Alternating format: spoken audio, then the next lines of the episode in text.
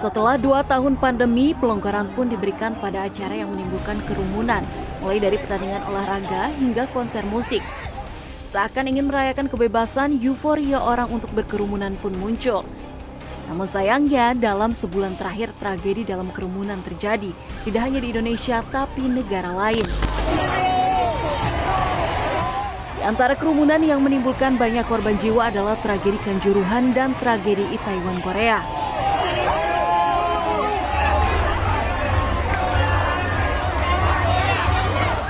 Selain itu, ada sejumlah konser musik yang terpaksa dihentikan polisi kata ricuh.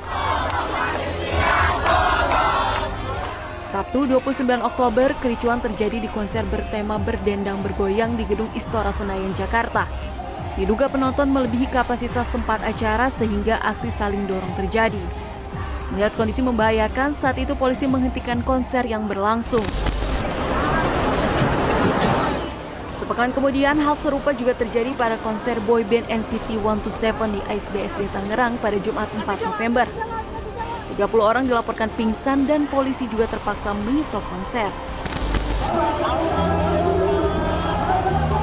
Euforia masyarakat untuk berkumpul di sebuah acara sudah sepatutnya diprediksi pihak yang terlibat dalam acara itu sendiri.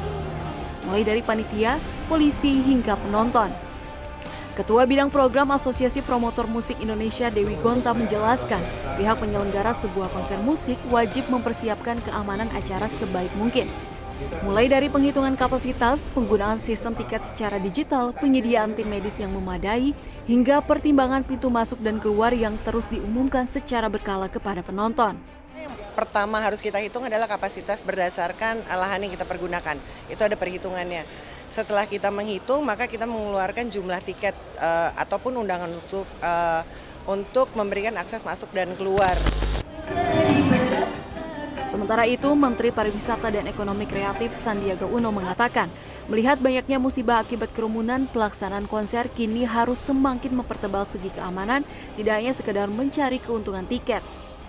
Uh, dan para event organizer ini harus bersatu padu memastikan uh, bahwa kita uh, tidak melanggar SOP yang sudah kita sepakati. Jangan saja hanya melihat dari aspek uh, revenue-nya atau pendapatan omsetnya tapi selain penyelenggara maupun polisi yang memastikan keamanan para penonton juga wajib melakukan pencegahan di antaranya tidak memaksakan diri tetap berada di kerumunan jika kondisinya mulai tidak kondusif. Nah, saat sedang menonton konser seperti ini, penting bagi kita untuk dapat membaca situasi kerumunan. Jika sudah dirasa mulai tidak kondusif dan juga berhimpit-himpitan berdesak-desakan, maka kita harus segera menyelamatkan diri ke tempat yang lebih aman. Dan yang paling penting yaitu mengingat pintu masuk dan juga pintu keluar agar nantinya jika terjadi situasi darurat dapat segera mengevakuasikan diri. Tim Liputan CNN Indonesia.